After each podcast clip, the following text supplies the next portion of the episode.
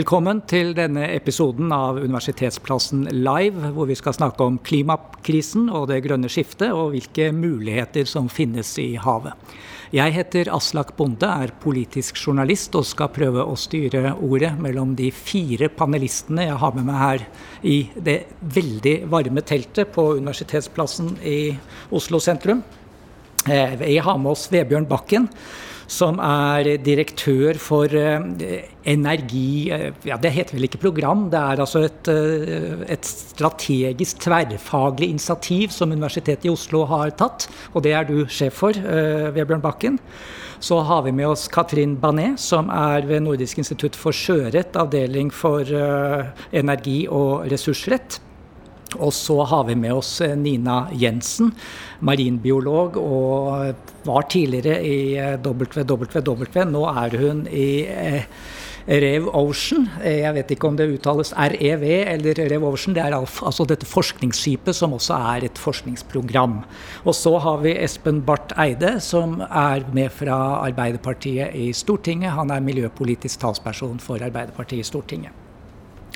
Bakteppet er, som dere jo alle vet, Parisavtalen, som da sier at vi skal holde den globale oppvarmingen under to grader, aller helst under 1,5 grad. Og at vi er nødt til å gjøre noe dramatisk for å skape energi på andre måter enn ved hjelp av olje og gass. Og det vi skal spørre om i dag, det er hvilke muligheter havet gir. Og vi er vel alle i dette panelet enige om at de er veldig store.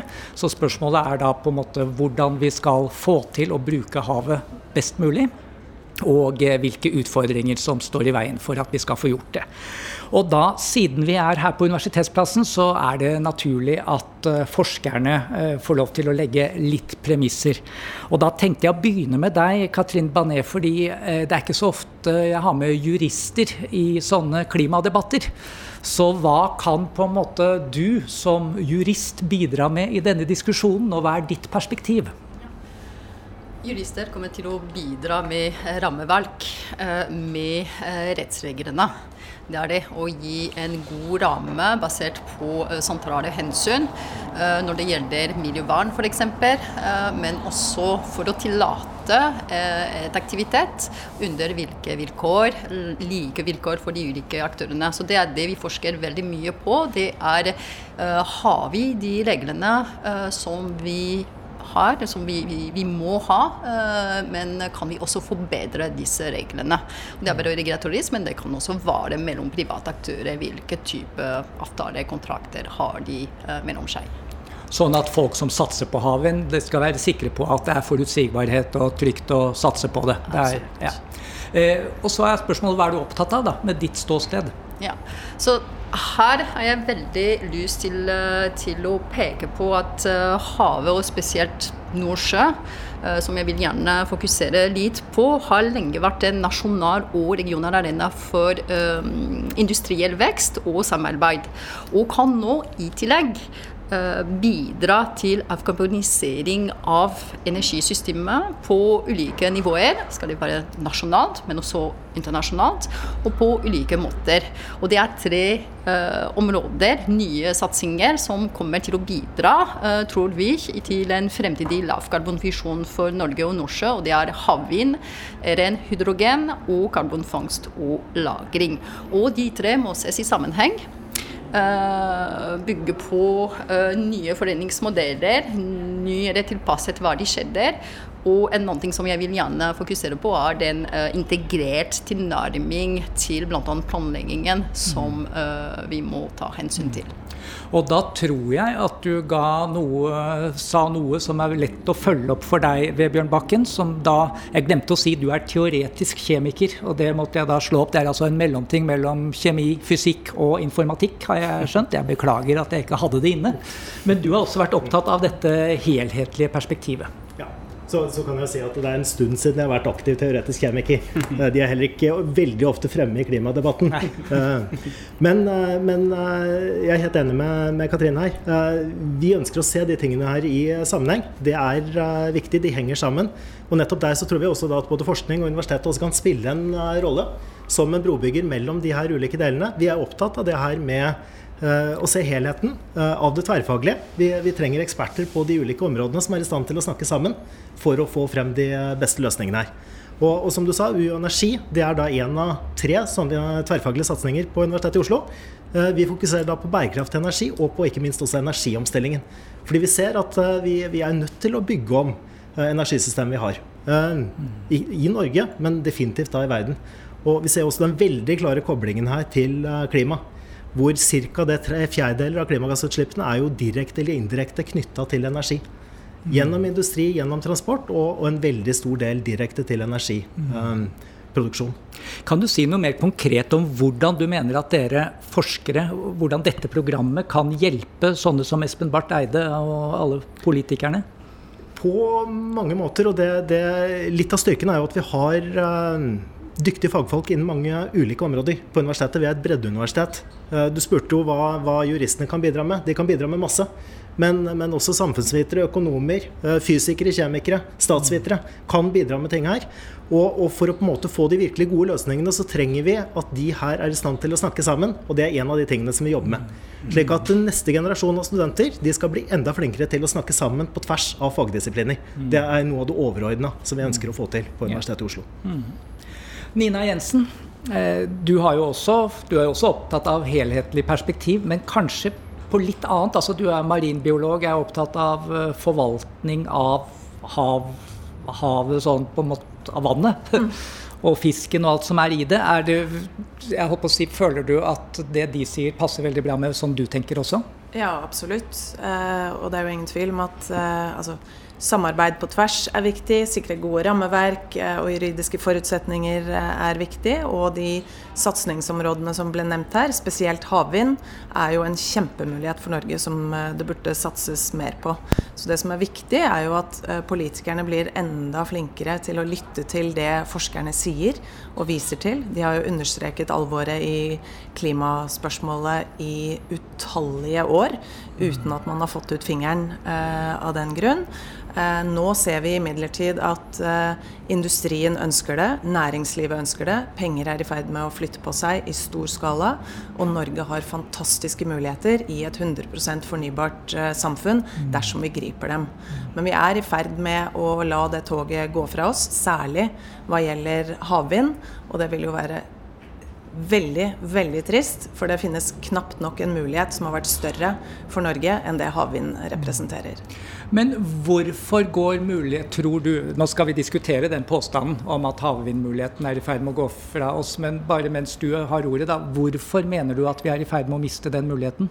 Altså Hvis vi ser på utviklingen i andre land, eh, så ligger jo leverandørindustrien eh, internasjonalt ca. 10-15 år eh, foran oss. Så har vi jo noen utvalgte norske selskaper som har eh, begynt å satse. Men, eh, men, vi ligger eh, et godt stykke bak. Det betyr ikke at vi fortsatt ikke har en mulighet.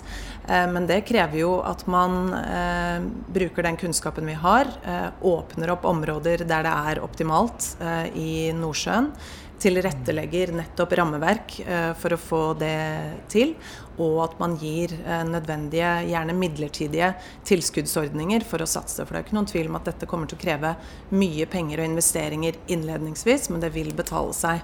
For dette kommer til å være den primære energikilden i Europa i årene som kommer. Espen Barth Eide, jeg så at du nikket ekstra entusiastisk da Bakken snakket om at her må man virkelig få universitets... Altså lære folk å snakke sammen og se dette helhetsperspektivet. Eh, men du likte vel i grunnen alt det du hørte her? Ja, jeg har bare hørt ting jeg likte. Jeg, jeg, eh, jeg er sosialdemokrat, jeg elsker helhetstenkning. Vi, det er samla plan og store sammenhengene som er vår politiske tradisjon. Men jeg er veldig opptatt av at fakta må ha makta. Eh, og Det betyr at politikken må være kunnskapsbasert, og derfor må vi politikere lytte til fagfolk. Men det er også viktig at vi får liksom, syntetisert tverrfaglig innsikt. Når jeg sier tverrfaglig, så må den også være faglig. Det skal ikke bare være tverr. Eh, men at du har faglighet hvor man kan jobbe på tvers og sørge for at man har altså, gode, helhetlige råd til politikkutformingen. Nina Jensen har rett i at det tok altfor lang tid før politikere verden rundt lyttet tilstrekkelig mye til klimaforskningen. Nå gjør man det. Altså Det poenget har nå gått opp for veldig mange. Folk vil forandre f.eks. For hvordan man bruker energi. Det, eh, og det er fortsatt viktig. Det vi trenger nå, er jo kunnskap om hva vi bygger opp. Ikke bare hva vi skal slutte med, for det har vi forstått. Vi må slutte med utslipp, slutte med fossil, avvikle bruk av olje, gass og kull. Eh, men det viktige nå er hvordan kan du bygge en bro. Og Norge har jo på en måte en enorm mulighet.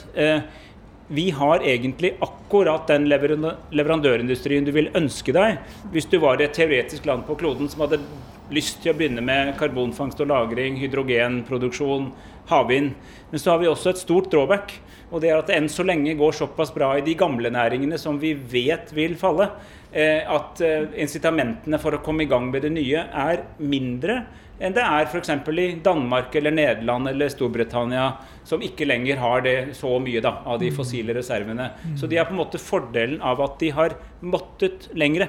Så det vi må gjøre nå, og min generasjon av politikere, vi som har ansvar nå, er å sørge for å korte ned tiden til hvordan vi kommer i gang med det vi skal leve av i det lange løp, mens vi fortsatt har inntekter fra det vi har gjort de siste 50 årene. Det eneste alternativet til det er å vente ti år, og så få det som et sjokk rett i fleisen. Og jeg mener ikke minst det som skjer i EU, som vi sikkert kommer mer inn på, det gir et veldig tydelig signal til at dette går fortere enn mange trodde for bare noen få år siden. Bakken ba om ordet. Dere kan kaste dere litt på hvis dere vil det nå. Kom igjen, Bakken. Jeg tenkte bare å følge opp det veldig kjapt. for Vi har jo forskere som også har sett på dette her. Og, og det de finner, er jo at det er en slags eh, omvendt kobling her mellom interessen for bl.a. fornybart i eh, olje- og, og leverandørindustrien eh, og oljeprisen. Så man, man, ser at når oljeprisen har vært lav, så øker interessen. Man prøver å diversifisere, prøver å se etter nye markeder. Og så hvis oljeprisen da går opp igjen, så dabber den interessen. Og så faller man veldig lett tilbake igjen til de gamle markedene. Og, og det er selvfølgelig, vi, vi, skjønner jo det også. Det er vanskelig å si nei til eh, kontrakter da med olje- og gassindustrien, som betaler veldig godt. Da, da, er det det som ligger nærmest, og det er der man hopper. Så, så Det er kanskje noe av den rollen som, eh, som politikere etc. må gjøre, er å prøve å være litt sånn motkonjunktur til dette her. Mm. Uh, der har det også vært tendens til at politikerne er mest opptatt av dette her litt sånn i takt med industrien, da når oljeprisen er lav. Men, men det her må man få til en motkonjunktur, slik at man opprettholder interessen og, og, griper de mulighetene som er. Så jeg er helt enig med Nina også, at det er noen tog som går her.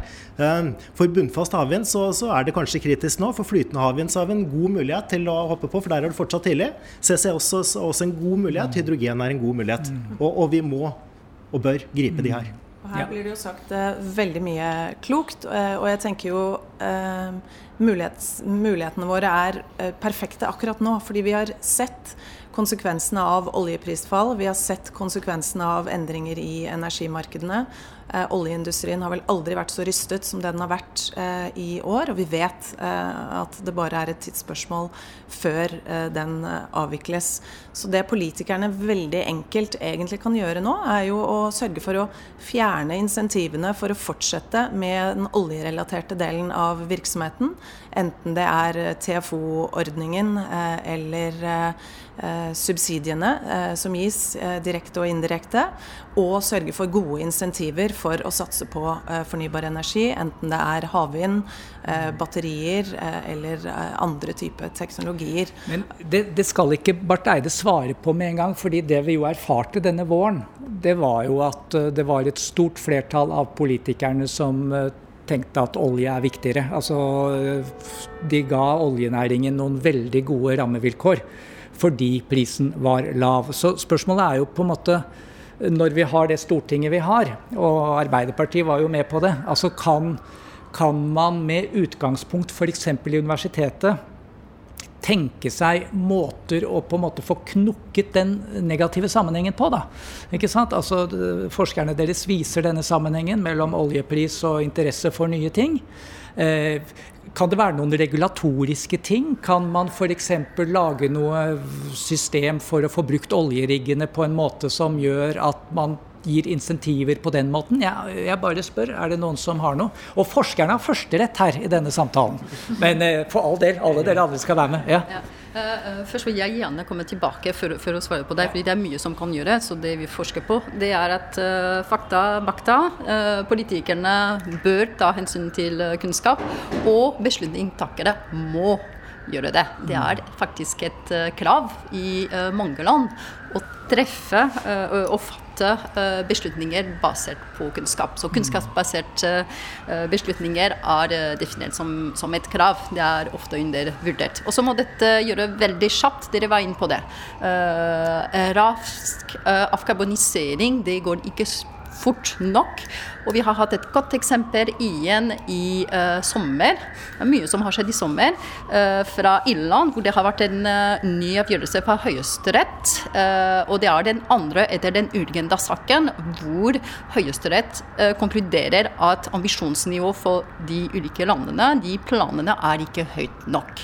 Så det den, det, dette har vært viktig og prinsipiell rettsavgjørelse som har kommet i sommer. Og du hadde jo da, og det føyer seg til at i Nederland har det vært tilsvarende rettsavgjørelser? Uh, ja, ikke tilsvarende, uh, fordi det er jo ikke regelverk, det er ikke rettssystem, det er ikke grunnlover. Men ja, det er at ambisjonsnivået er ikke høyt nok, det går ikke fort nok. og da er det statens krav også til å tilrettelegge for en raskere afghanisering som kan hjelpe til å nå målene.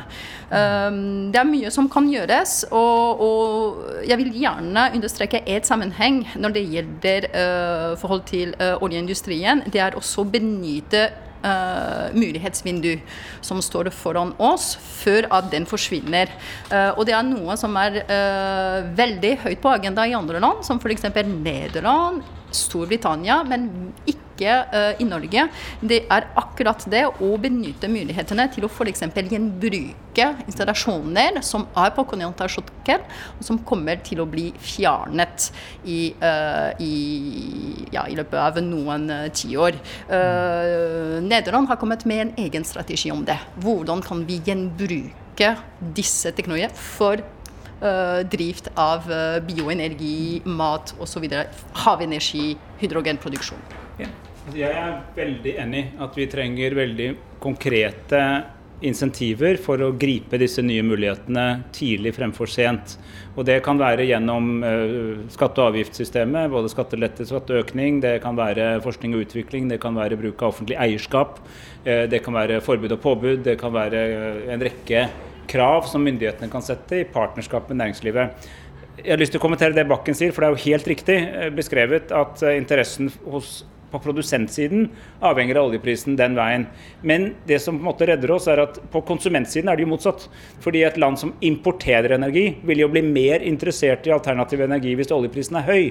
Og halvparten av det vi, altså vi produserer olje og gass. Olje er til verdensmarkedet på verdenspriser. Gass er i sin helhet til Europa når Europa skal bort fra fossile brensler, så hjelper det ikke at vi syns det er en dårlig idé. Altså, De kommer til å gjøre det likevel. Eh, så det, det, signalet som nå ligger i det som skjer ute i vårt fremste marked, eh, som sier to ting Vi vil ha mindre av noe vi har kjøpt av dere til nå, og så vil vi gjerne ha mye mer av noe dere også kan levere. Mm. Da er det liksom et poeng å legge sammen to pluss to og si at kanskje vi da skal gjøre mer av det nye og mindre av det gamle. Dette har ingenting med å egentlig ikke å slutte med noe. Det har å, å, begynne i tide. For det med avslutningen, det tar nok markedet seg av. Eh, om et marked som igjen er styrt av politikk i andre land. Det, vi, det, er jo ikke vi som bruker olje og gassen først og fremst, det er de som kjøper den. Men det er å komme i gang slik at vi treffer et fremtidig marked som nå i løpet av 2020-årene kommer til å endre seg signifikant i forhold til oss. Og, det, og, og da trenger vi da nettopp regulatoriske systemer, insentiver, teknologi, som gjør at vi klarer dette her. Nina Jensen har helt rett i at vi har en vi har en nisje, vi har en mulighet for å vinne disse nisjene nå. Mm. Men venter vi noen år, så har andre tatt dem. Vi kan fortsatt lage havvind, men det vil da være med teknologi vi importerer fra dansker og nederlendere og briter og kinesere og alle andre. Ikke noe vi har laget selv. Da blir det mindre jobber i norsk leverandørindustri, for vi gikk ikke i front. Ja. Jeg tenker jo at eh, det her virkelig universitetsmiljøet kan bidra med å fremskaffe det kunnskapsgrunnlaget som eh, vi trenger, eh, og bidra med den helhetstenkningen som mangler. For det er veldig mange av oss som prater om det grønne skiftet, grønn omstilling, vi skal vekk fra fossil, over på noe annet. Men hvordan skal det skje i praksis? Eh, hva betyr det helt reelt på det regulatoriske, på alt mulig av rammeverk? Eh, hva skal vi satse på? Hvordan henger det ulikt sammen? Hva trenger vi da av kompetanse? Hvordan kan man bruke den kompetansen vi har i oljeindustrien til å levere på det? Osv. Hvis man raskt kunne sette sammen eh, den pakka, sørge for at da politikerne lytter til det og implementerer, ja, så tror jeg vi har en veldig god mulighet til å Men, komme videre. Ja. Veldig kort, bare si det. Jeg er ikke så veldig glad i det her uttrykket alternativ energi. Fordi For det første så høres det litt sånn tvilsomt ut da. Og for det andre så høres det jo ut som vi, det er liksom et alternativ. Vi har jo ikke noe alternativ. Vi vil ikke være del av alternativbevegelsen. Og så vil jeg bare si det, det er godt, ja, godt poeng det her med, med, konsumenter, som selvfølgelig da ikke liker høye oljepriser. Men så vil jeg bare trekke for en målgruppe. Altså det er studentene våre. De pusher også på. De pusher oss. Og der skjer det mye spennende, altså. Mm. Men eh, dere som er Altså, vi er jo opptatt av helhetstenkning her. Vi har nevnt uh, vindkraft til havs. Uh, vi har nevnt så vidt hydrogen, og vi har nevnt CCS, altså fangst og lagring av CO2.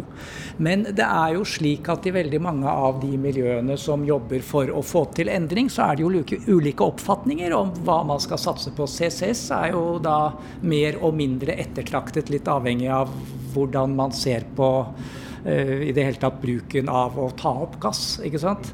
Eh, sånn at eh, er det en forutsetning at vi satser på alle disse tre tingene? Både altså Er hydrogen en nødvendig følge av vind til havs? Er CCS en nødvendig forutsetning for å få til det grønne skiftet? ja, Katrin? Jeg vil si Det er to sider av saken her. Du kan si at ja, dette er målet. Klimareduksjonsmål, øh, forsyningssikkerhetsmål, industrielle mål. Dette er målene, og så må dere komme med forslag. Og dette er basert, Det kan baseres, og det burde baseres på en mer teknonøytral tilnærming. Så la markedet og ideene komme, og så ser du på økonomiske rammevilkår. Er dette lønnsomt? Ikke bør vi støtte. Og det andre er å være litt mer proaktiv og se ja, jeg vil satse på hydrogen. Uh, også for vi nå vet vi at EU kommer med sannsynligvis mål. Det er bare Eh, ikke bindende mål, men det kommer. Eh, vi vet der er det et marked, og det er bra for miljøet hvis det er ren hydrogen. Eh, havvind det er også bra for å øke andel fornybar energi i energisystemet. Også fordi det er bra for økonomisk vekst. Og, og, dere snakket om konkurranse. Det er noe vi har også forsket på. Det er teknologi, teknonasjonalisme. Det er en konkurranse mellom landene. Så da går du litt mer proaktivt på å støtte, vise teknologier. Så det er to tilnærminger her. Mm, så det er flere ting her. Det ene er jo at eh, Situasjonen i dag er jo at vi er fryktelig avhengig av olje- og gassindustrien i Norge. Så, så, jeg tenker at vi skal jo ikke da bare satse på én hest videre. Det, det, må være fornuftig å prøve å diversifisere og plukke noen av mulighetene. Så er det ikke sikkert at Norge lykkes med alle de tre tingene vi har snakka med, f.eks. At vi blir ledende. Men lykkes vi med én eller to av de, så er vi i hvert fall kommet uh, betydelig videre. Eh, og så er det som Katrin var inne på helt innledningsvis, det er også noen interessante koblinger her. Så hvis vi tenker på det her med verdikjeder etc., så er det jo da Tidligere så var det veldig sånn klare verdikjeder, en sånn én til én. Hvis vi går langt tilbake, så gikk vi ut og henta ved, og så brant vi veden, og så lagde vi mat. Helt greit. Så fikk vi vannkraft. Den ble en sånn én til mange-sak. Hvor vi kunne bruke den her på mange måter. Men fremtiden her er jo mange til mange. Med ulike energibærere. Og det betyr at eh, de verdikjedene de henger sammen. Og det vil være veldig vanskelig å ta enkelte verdikjeder her og, og, og hente ut mye eh, langs en hel verdikjede. For det vil antagelig være ulike nasjoner, ulike aktører, som henter ut. Men hvis vi da er med på denne koblinga mellom det, så gir det oss enda flere nisjer. Mm. Hvor vi kan bli gode, og hvor vi kan bidra. Så vi kan være litt gode på hydrogen, litt på havvind, litt på CCS? Eller CCS kan vi vel ikke det? Eller der også? Jo. Ja. Akkurat. Altså, skal vi nå et 100 fornybart eh, samfunn eh, og løse klimaproblemet, så må vi satse på alle disse tingene. Mm. Eh, men om det er riktig for Norge å satse på alle tingene, eller om det er andre som ligger lenger framme enn oss, det er jo de tingene vi må vurdere. Mm. Og Det er jo derfor havvind som et eksempel er syns jeg, så spennende for Norge fordi vi har optimale vindressurser. Vi har en leverandørindustri eh, som vi må omstille, og som kan passe perfekt inn i havvindsatsing. Og det vil gi mange arbeidsplasser og uh, høy inntjening. Derfor er, jo, er jo det et åpenbart satsingsområde. Så må man jo vurdere eh, i hvor stor grad er vår industri, vår kompetanse og teknologi, eh, og ikke minst eh, kostnadsnivået i Norge, egnet for å drive fram f.eks. CCS eller hydrogen. Men alle disse tingene vil trengs. Og bør satses ja. på. Men hvorfor skal vi ha havvind utenfor Norge? Et kjettersk spørsmål. altså Teknonasjonalisme snakket du om. altså Det som er kommet av store havvindanlegg foreløpig, ligger jo utenfor områder hvor det virkelig kreves strøm direkte. Vi må jo da kanskje lage flere utenlandskabler for å eksportere strøm. Og så skal vi ha øh, havvind. Eh, er det ikke bedre å putte den havvinden der hvor vi sender strømmen til? Du må jo putte eh, havvindanleggene der, der hvor det blåser best. Ja, det var et godt svar. Eh, og når vi har de mest optimale vindressursene, så sier det seg jo selv at de må plasseres der. Ja. Og da kan du jo velge om det er noen andre land som skal ta ansvaret for å, å bygge de ut, eller, eller sitte på teknologien og arbeidsplassene, eller om vi skal få det. Jeg syns jo det siste du må naturligvis legge havvindparkene der det blåser best, men også der det er relativt nært et marked. Eh, for det hjelper Det er en del steder på kloden det blåser hvor det ikke er noen, så du, du bør på en måte legge dem Og der er Nordsjøen egner seg veldig godt. Så mm. Nordsjø Arbeiderpartiet har laget en egen Nordsjøplan som snakker om alle disse tingene og understreker helhetstenkningen i det. Og da er det for vår del, vi har jo flere havområder, men Nordsjøen, som også har mye teknologi knyttet til oljen, egner seg spesielt godt, fordi du da kan bruke den både i oljeindustrien selv, så lenge du har den til elektrifisering. Du kan eksportere den til et Europa som hungrer etter mer eh, grønn energi, og etter hvert lenger fram kanskje koble det inn på det norske nettet også. Eh, og, og det er en veldig alvorlig misforståelse som jeg veldig ofte hører av folk som tror at vi har nok strøm. Nei, vi har ikke nok strøm. Vi har nok strøm akkurat nå til det vi bruker strøm til akkurat i dag. Men når vi skal elektrifisere mye mer, så kommer vi til å trenge mer strøm også i Norge. Og uten å bygge ut mer, så kommer vi til å bruke disse kablene til å importere strøm, ikke til å eksportere strøm det meste av tiden. Det er jo en vekselvirkning. altså Vi importerer og eksporterer avhengig av ulike former for produksjon. Men da blir vi etter hvert en netto importør, stikk i strid med det mange har trodd, for vi kommer til å måtte ha mye mer produsere strøm i Norge om vi skal få til vårt eget grønne skifte. Nå var det jeg som åpnet for en debatt jeg definitivt ikke ønsket, den om kraftledninger til utlandet. Men, ja, Weber, ja. men bare for å ta den der med hydrogen, som, som, jo også er en viktig bit av dette, så er jo det nettopp noe av grunnen at da har man en energibærer som kan fraktes. Og da trenger du ikke nødvendigvis å, å ha de vindparkene akkurat der hvor du skal bruke strømmen. Du kan bygge vindparker f.eks. i Finnmark og så produserer du hydrogen. Mm. Og så bruker du den. Det igjen, du har ulike bruk. Den kan brukes i industrien. Eh, den kan brukes til grønn skipsfart. Diverse. Den kan kanskje brukes til å, å gjøre Svalbard til et mindre utslippsintensivt samfunn. Nettopp. vi, dessverre så går tiden så altfor fort. Eh, vi har nå snakket mye om eh, Ikke så veldig mye om CCS, men litt om hydrogen, spesielt vindkraft til havs. Eh, det er jo mye annet man kan gjøre i havet òg for å få til det grønne skiftet, med alger og uh, kanskje få all oppdrettsvirksomheten ut på havet, mye sånt noe.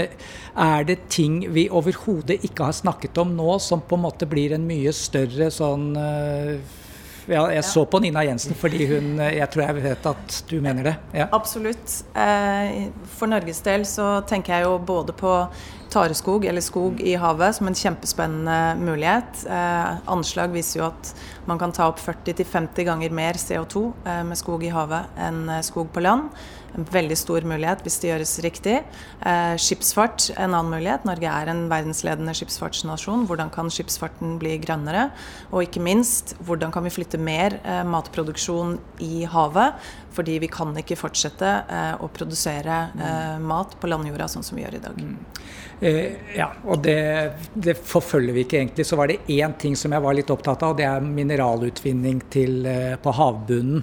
Eh, det sa du til meg Det er vel du veldig imot, eh, Nina Jensen, ikke sant? Fordi ja. det er skummelt sånn økologisk? Ja, på nåværende tidspunkt ja. har vi ikke nok kunnskap. Så vi må få kunnskapen først, så kan vi vurdere det. Men så, Vebjørn Bakken, du Jeg snakket litt med deg om dette på forhånd. Altså, du hadde noen sånne mer praktiske innvendinger, egentlig? Jeg er også litt skeptisk her i forhold til at dette er, er, utrolig krevende, og jeg er ikke helt sikker på om noen er villig til å ta den risikoen. Uh, det vil ta lang tid å bygge ut dette her, og, i hvert fall hvis vi snakker om da uh, gruvedrift på, på, dypt vann, så har du en, en, et energihandikap her. Mm. Med rett og slett å frakte ting opp til overflata. Mm. Som gjør at jeg ikke helt ser at jeg kan konkurrere med, med gruvedrift på land, i hvert fall på kort sikt. altså. Nei.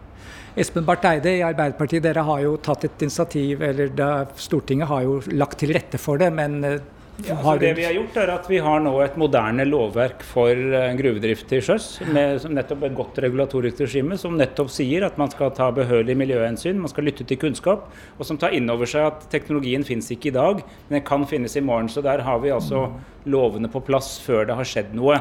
Og så vil jo da teknologi, økonomi, miljøspørsmål avgjøre om dette vil lønne seg etter hvert. Men det vi vet, er at det grønne skiftet trenger, krever mange mineraler. Ja. Vi skal riktignok ha en sirkulær økonomi og bruke ting om igjen, men du kommer til å ha masse behov for batterier og en rekke andre ting som bruker metall, nettopp fordi vi skal eh, slutte med karbon.